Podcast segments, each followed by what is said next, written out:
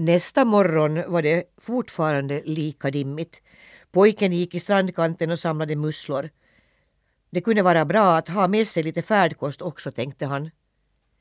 Men det behövdes något att bära dem i.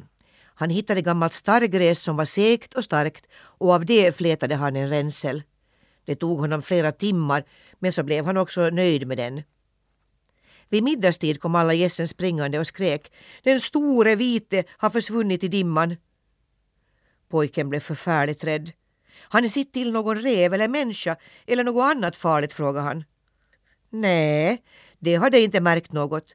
Gåskalen hade nog gått vilse i dimman. Pojken gav sig genast ut att leta. Mårten, Mårten, var är du? ropade han. Han sökte tills det började mörkna, men förgäves. Vad skulle det bli av honom om han inte fick tag på Mårten? Det fanns ingen annan han mindre kunde avvara. Dyster till sinnes vandrade han tillbaka över ängen. Men vad var det då för något vitt som dök upp i dimman, om inte gåskarlen? Hela dagen har jag irrat runt, runt, sa han ursäktande.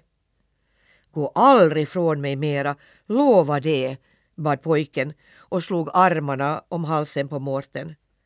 Nej, aldrig, det lovar jag, svarade gåskarlen. Men nästa morgon kom gässen åter löpande och ropade att nu var han borta igen. Han hade väl gått vilse i dimman som förra gången. Och än en gång satte Nils iväg och ropade och letade. Först längs stranden och sedan uppåt land ända bort till väderkvarnarna på mitten av ön. Om kvällen måste han vända trött och ängslig. Och nu kunde han inte tro annat än att reskamraten var försvunnen för alltid. Då hörde han en sten rasa och tyckte sig urskilja något som rörde sig i en stenhög. Han smög närmare och fick se den vita gåskarlen som mödosamt klättrade upp för röset med en stor knippa rottågor i munnen. Pojken ropade inte utan tyckte att det var skäl att först ta reda på vad det var som hade fått gåskarlen att försvinna på det här viset.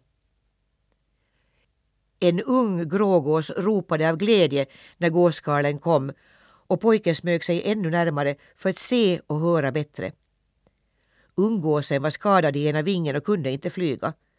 Nu hade flocken lämnat henne och säkert skulle hon ha dött av hunger om inte gåskarlen hade hört hennes svaga rop och burit mat till henne. God natt med dig, sa han. Imorgon kommer jag igen. Jag reser inte ännu på länge och snart är du nog bra igen. När gåskarlen hade gått smög pojken upp bland stenarna. Han skulle minsann säga åt henne att det inte var tal om att Mårten fick stanna. Men när han fick se grågåsen förstod han sin kamrat. Hon hade det vackraste lilla huvud man kunde tänka sig. En fjäderdräkt som av siden och hennes ögon var så milda och bedjande. Var inte rädd för mig, sa pojken när hon ville springa undan fastän den vänstra vingen var ur led och släpade i marken. Jag är Tummetott och jag är Mårtens reskamrat. När ungåsen hörde det sänkte hon behagfullt huvudet och sa med en röst som var så vacker och mjuk. Då är jag glad för att du har kommit. Av den vita gåskarlen har jag fått veta att ingen är så klok och god som du. Pojken blev riktigt blyg. Hon är säkert en förtrollad prinsessa, tänkte han. Han fick stor lust att hjälpa henne så han stack sina små händer in under fjädrarna och kände ut med vingbenet. Ingenting var brutet, men det var något i olag med leden. Han tog ett fast grepp om benpipan och drog den till rätta. Och för att vara första gången gjorde han det riktigt bra. Men den stackars ungåsen utstötte ett gällt skri och sjönk som död ner bland stenarna. Pojken blev förfärligt skrämd. Han hade velat hjälpa henne. Och nu var hon död. Han sprang sin väg. Det var som om han hade dödat en människa. Nästa morgon var det klart och dimfritt väder och Akka bestämde att de skulle resa vidare. Pojken blev glad för han hade samvetskval. Han hade ingenting sagt till gåskalen om hur det hade gått till när han ville bota grågåsen. Men han undrade om Mårten skulle ha hjärta att fara ifrån henne. Flocken gav sig iväg och motvilligt följde den stora vita med. Men plötsligt vände han om. Tanken på ungåsen blev honom övermäktig. Det fick gå hur det ville med Lapplandsresan. Han kunde inte följa med de andra när hon låg ensam och sjuk och kanske skulle svälta ihjäl. Med några vingslag var Mårten framme vid stenröset. Där låg ingen ung grågås mellan stenarna.